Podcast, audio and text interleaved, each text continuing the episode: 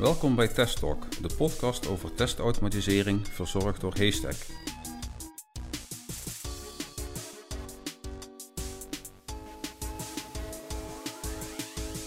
Vandaag aflevering 7. Testautomatisering is een katalysator om de testvolwassenheid te verhogen.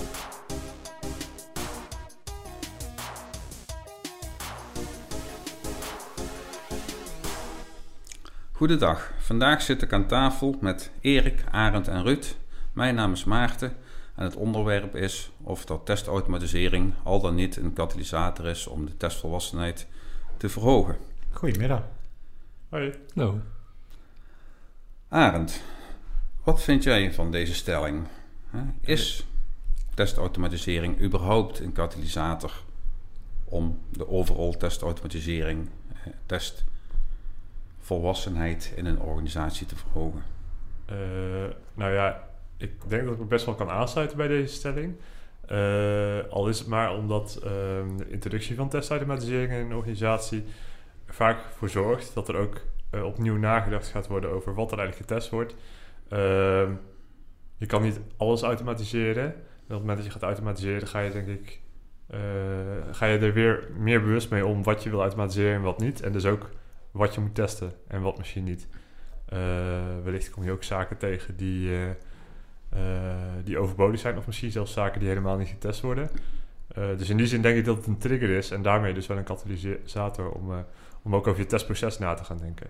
Maar, maar het vraagstuk of dat je uh, wat je test, heeft dat überhaupt iets met testvolwassenheid te maken, Erik? Nee, ik, ik ben het dus eigenlijk niet met de stelling eens. Ik heb het idee dat het twee verschillende trajecten zijn. Hoe vaak zie je niet bij een organisatie dat ze testautomatisering introduceren terwijl ze nog helemaal geen goede teststrategie hebben? En hoe vaak faalt het dan bij dat soort uh, organisaties? Maar je hebt eigenlijk twee dingen. Je hebt aan de ene kant heb je je testvolwassenheid, um, waarin je gaat kijken naar een degelijke teststrategie. Uh, wat voor een testspecificatie, technieken ga je toepassen?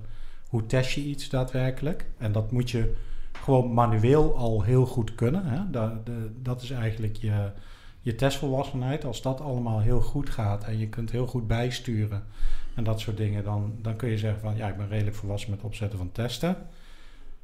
Automatisering, volgens mij heeft het vrij weinig te maken met je testvolwassenheid, maar meer met een, ja, een stukje techniek. Of je iets nou manueel test of uh, geautomatiseerd test, ik denk dat dat niet zoveel uitmaakt. En wat Arend zegt van, dan ga je nadenken opnieuw over uh, hoe ga je testen opzetten?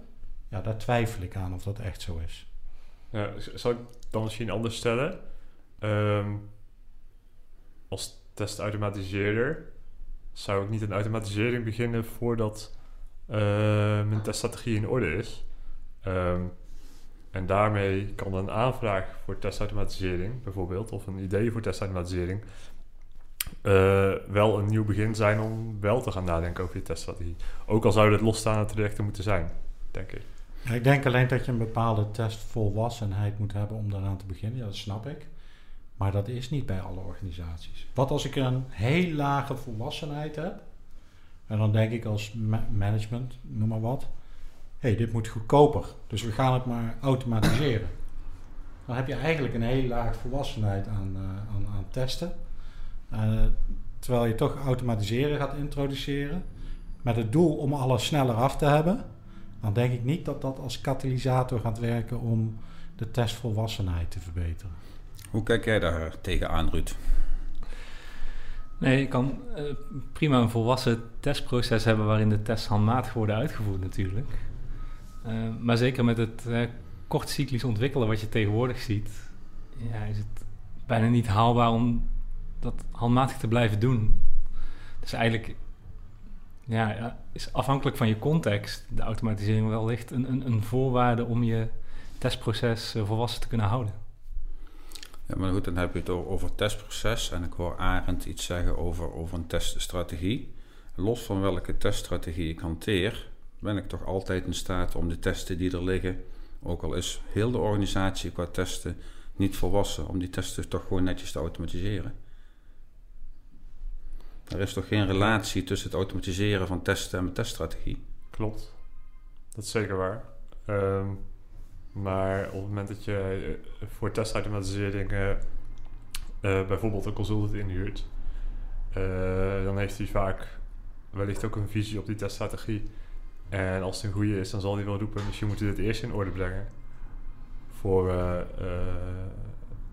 voor de bestaande tests gaan automatiseren. Dus ik denk dat daar waarde kan liggen. Los van het feit dat het twee verschillende dingen zijn, hè, dat is inderdaad zo. Denk ik dat het een het ander wel kan helpen.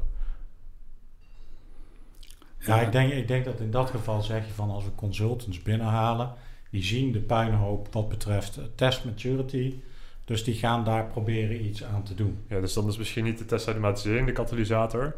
eh, maar de acties die jij opzet om automatisering te gaan eh, initialiseren, die zijn dan misschien wel. Ja, maar dan is misschien automatiseren in dat geval niet het eerste waar je aan zou moeten denken. Want je kan beter werken aan je testvolwassenheid op dat punt, denk ik, dan aan je testautomatisering. Eerst je Ja. test op orde. Ja, je kunt het natuurlijk allebei doen, maar Ja, dat, als er dan zo'n Mhm. puinhoop aan eh test maturity ligt, zou ik zeggen, ga daar eerst aan werken.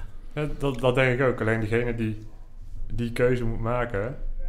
dat als het management zegt: Oh, we moeten testen gaan automatiseren, want dat is goedkoper.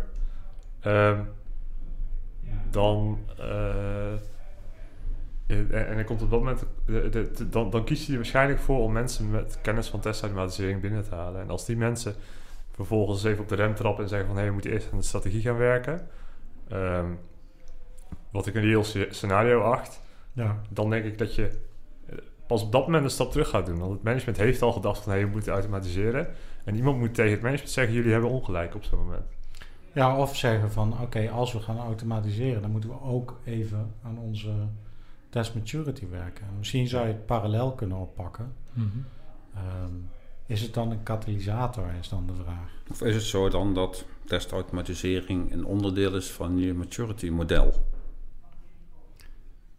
Dat je een bepaalde gelaagdheid hebt, zoals je bijvoorbeeld een TPI een aantal eh, niveaus van volwassenheid kan bereiken, of een TMMI een aantal niveaus van volwassenheid kan bereiken. En is het dan zo op het moment dat je testautomatisering geïmplementeerd hebt, dat je dan op een hoger volwassenheidsniveau zit? Volgens mij eh, zit dat niet in eh test maturity model.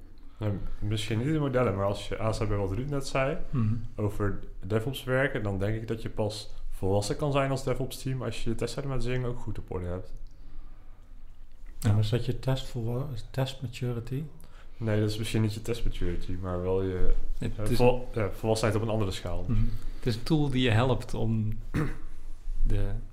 Ja, maar hoe vaak zien we niet bij eh, DevOps teams dat die testen die daar geautomatiseerd worden niet echt dekkend zijn voor wat ze willen bereiken, zeg maar. Wat je eigenlijk zegt ook, Ruud, is dat de maturity van je DevOps-proces of van je Agile-proces eigenlijk ook afhankelijk is van je maturity van je testproces. Is dat zo? Ik denk dat er wel een zeker verband is. Ja, je, je, je, testproces is natuurlijk een onderdeel van eh, je ontwikkelproces. Ja, dus ik, ik maak de keuze, hypothetisch, van ik ga niet testen automatiseren. Ik heb voldoende resources om iedere Mhm. sprint mijn regressietest handmatig uit te voeren. Betekent dat dus dat ik een lager maturity model heb? Of een lagere score in mijn maturity model? Nee, volgens mij is de manier van uitvoeren niet bepaald. Nee, volgens mij ook niet.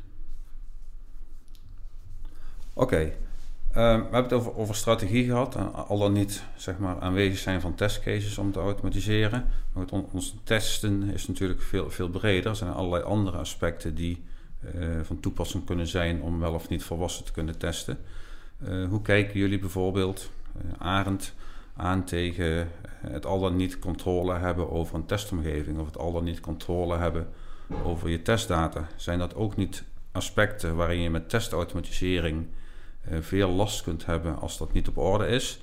En dat je dat juist blootlegt als je gaat testautomatiseren en in die zin dan een katalysator kan zijn. Ja, dat, nou ja, ja, daar maak ik echt wel een heel goed argument voor. eh, iets wat ik sowieso al eh, dacht. Maar inderdaad, bij testautomatisering ben je veel meer afhankelijk van eh, een stabiele testomgeving, eh, eh, goede testdata, dan bij manuele testen. Want bij manuele testen, ja, weet je, dan doe je het nog even opnieuw. En bij testautomatisering, ja, dan, ga je, vertrouw je toch meer op dat wat je geautomatiseerd hebt. En als je er niet op kan vertrouwen dat je omgeving niet stabiel is, of omdat je testdata niet consistent is, ja, dan heb je niet zoveel aan je, aan je testautomatisering.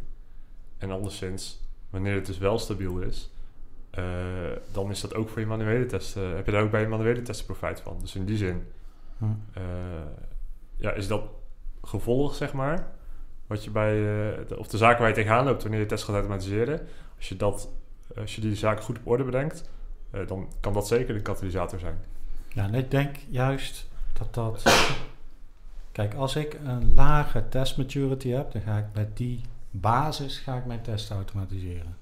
Dus ik pak een record en playback tool, ik ga al mijn scenario's. Ik druk op de record knop, ik ga ze uitvoeren eh, en ik play ze daarna gewoon weer opnieuw af. Dat is mijn visie op testautomatisering als ik op een level 0 zit, zeg maar. Zo ga ik al mijn testen automatiseren. En vervolgens bij een volgende release ben ik weer dezelfde tijd kwijt om alle automatiseringen op te zetten.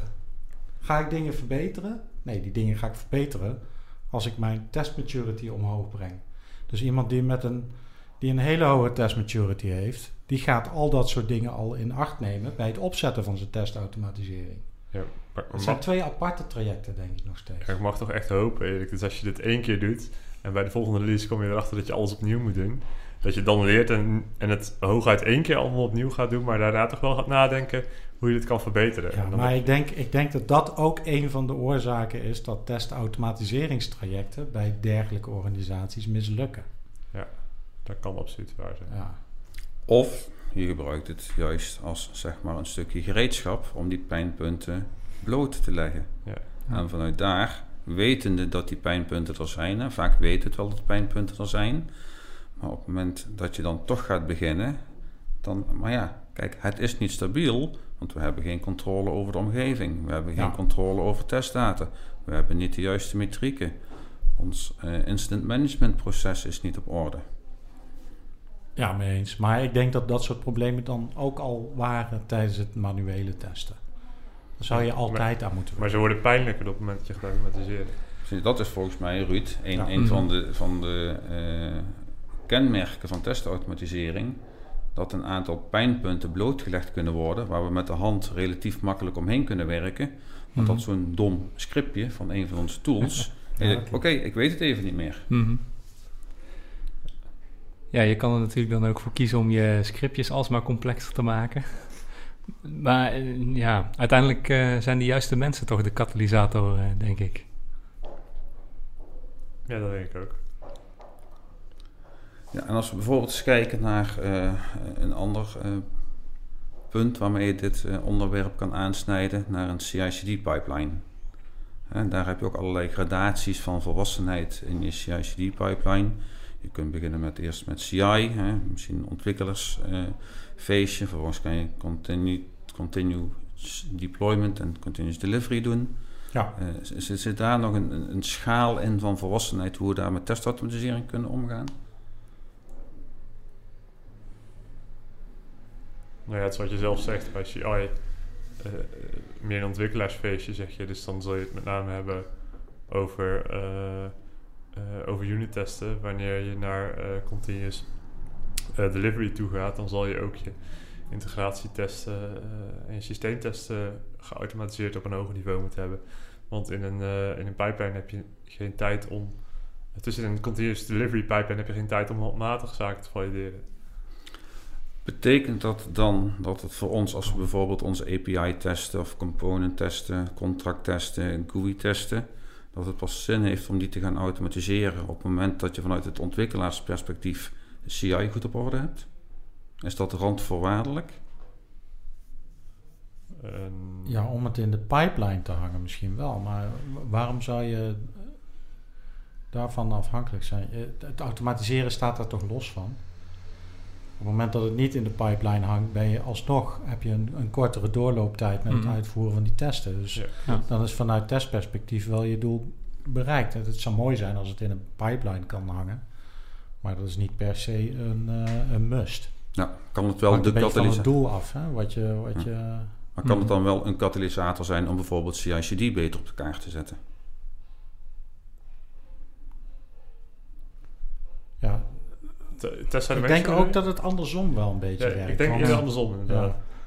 Testautomatisering eh, of eh, CI/CD pipeline geldt een beetje als katalysator voor het automatiseren van je testen.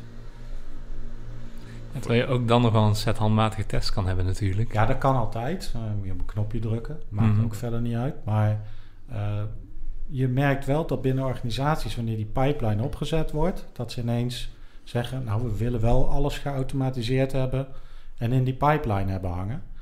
Dus ik denk dat zo'n eh CI/CD pipeline werkt als katalysator voor test automation. Dat denk ik wel. Ja, Dat denk ik ook. Mhm. En als je kijkt naar de, naar de menselijke kant van het verhaal, hè, we hebben natuurlijk altijd een organisatiekant, een, een toolingkant, een technische kant. Kan bijvoorbeeld, Ruud, ehm, als we, we, starten met testautomatisering, kan dat voor onze testengineers of, of mensen die testengineer, test automation engineer willen worden, de katalysator zijn om net een extra stapje te gaan maken in, in de testwereld?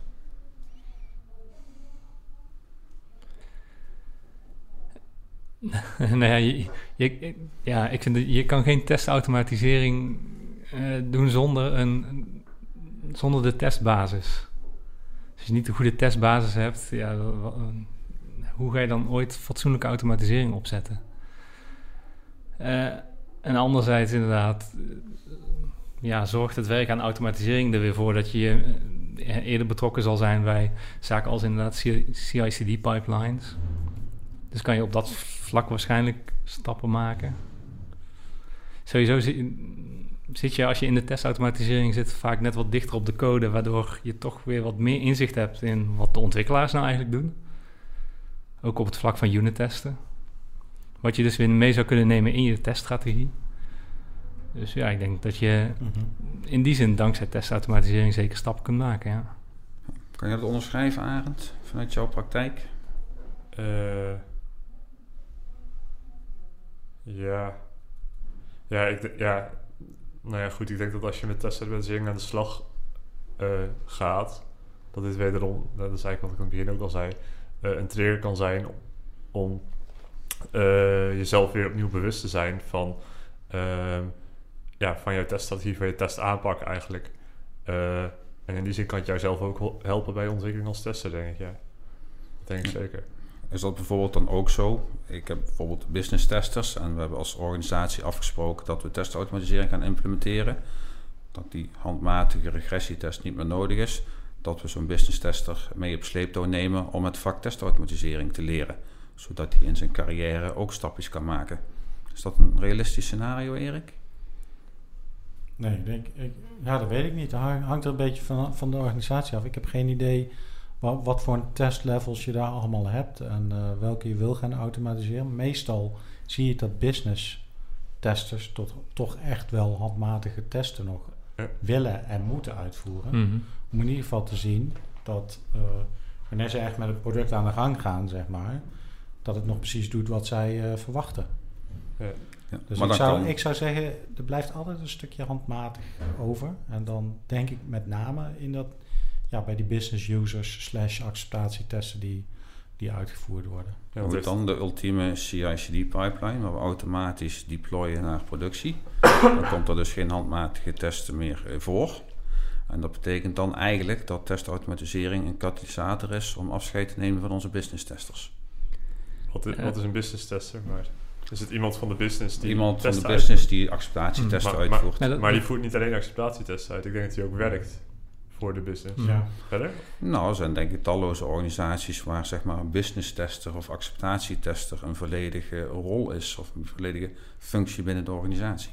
Je kan ook tests op je, je, je UI-stuk bijvoorbeeld uitvoeren voordat het de pipeline doorgaat. Dus kan een, een, een, een, hè, business tester kan op dat moment al eh, zijn tests uitvoeren. Nou, ik wil nog wel iets aanvullen. Want ik denk dat juist in CICD ehm je releases kleiner zijn. Omdat Mhm. je continuous delivery doet. Dus je levert bij wijze van spreken in een ideale situatie meerdere keer per dag op. kleine wijzigingen, die dus ook relatief eenvoudig kunnen worden teruggedraaid en die dus door de business zelf wel worden geconstateerd. Ja, het hangt er ook vanaf hoe, hoe je dat deployment stuk hebt. Ja. Hè? Want je kan ook bijvoorbeeld zeggen van ik ga een aantal users eh, op een nieuwe versie Mhm. zetten met Ja, een heel klein change erin. Ja. Ja. En zet je die business testers worden misschien dan business users, Hm. Ja. die er met een eh, net iets andere blik naar kijken dan, eh, dan de normale users. Eh, en die krijgen dan misschien een nieuwe software als eerst. En als zij akkoord zijn, is dat misschien het laatste vinkje om, eh, om live te gaan voor de hele organisatie. Oké, Maar als je zegt business testers eh, die in een rol zitten bij een organisatie, dan ja, denk ik dat als, we dat als je dat helemaal in een pipeline hebt eh, geautomatiseerd, en ook zeg maar in de cloud met eh, eh, kleine deployments en naar een kleine groep gebruikers tegelijk. Ik, ja, het, meestal is een doel daarvan, hè, en dan heb ik het over zo'n bol.com, vaak van die e-commerce dingen, om dan inderdaad geen business testers meer te hebben. een doel Maar- op zich. Nou, nee, niet een doel op zich. Ze willen gewoon snel leveren naar productie. En in principe is er geen specifieke business tester daar aanwezig. Die is daar gewoon niet. Maar bij een heleboel andere organisaties zijn die er wel. Ja, of die ooit naar zo'n model toe gaan, is ook nog maar de vraag natuurlijk. Ik denk het niet in denk heel veel niet. gevallen. Ik Dat denk ook niet dat alle organisaties even Ja. veel waarde heeft. Nee, en business testers passen eh, goed binnen een pipeline. Ze moeten alleen op een knop drukken. Van oké, Ja. om ervoor te zorgen dat zo'n deployment doorgaat. Oké, ja, zoals altijd eh, kan je natuurlijk allerlei aspecten, pro's en cons hebben. Eh, misschien afsluitend, hebben jullie voor onze luisteraars nog een ultieme tip als het gaat om ja, implementatie van eh, testautomatisering in, in relatie tot van, joh, is dat nu wel of niet een katalysator om, om dingen te veranderen? Nou, ik zou, als je het vermoeden hebt dat er iets met je test maturity niet, niet eh, goed in elkaar zit, hè, of dat, het, dat je zelf tegen problemen aanloopt bij het testen, zou ik niet wachten op testautomatisering. Dan zou ik dat gelijk bij eh, de kop pakken en eh, kijken van wat kunnen we hiermee doen. Zorg zelf dat je qua testen op een hoog niveau zit, dan wordt het bij het automatiseren ook een stuk makkelijker. Ja, eens Ja. met Erik. Maar eh, als je dan bezig bent met het... eh, als je, stel je voor, je hebt er geen tijd voor. En je bent bezig met eh, testen in je organisatie. En het management zegt van... Hé, hey, we moeten testautomatisering gaan doen. Dan kan je op dat moment misschien wel roepen van... ja, hier ben ik het mee eens. Maar misschien moeten we eerst zorgen dat, dat onze teststrategie op orde is. En gebruik het dan, alsjeblieft. Om het eerst te verbeteren, zodat je niet je tijd gaat verspillen aan, eh aan testautomatisering die uiteindelijk toch vervangen moet worden. Of die je niet gaat helpen. Oké, Ruud, het laatste woord is aan jou vandaag. Oei. Eh, ja, ik kan eigenlijk niet anders dan me daar eh, volledig bij aansluiten. Eh, hè, idealiter zorg je eerst dat de volwassenheid eh, van je testproces op orde is. Eh, het kan parallel, maar dan moet er alsnog inderdaad voldoende aandacht zijn voor dat testproces. Ja, en je moet natuurlijk ook waarborgen dat wat je automatiseert eh, solide is. Oké, dank jullie wel voor deze nieuwe inzichten. Ja, Ja, bedankt.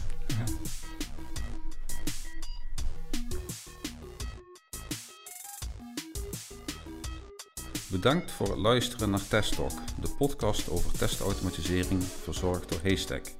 Tot de volgende keer. Als je het leuk vindt om met ons verder te praten over ons vakgebied, neem dan gerust contact met ons op via testtalk.haystack.nl.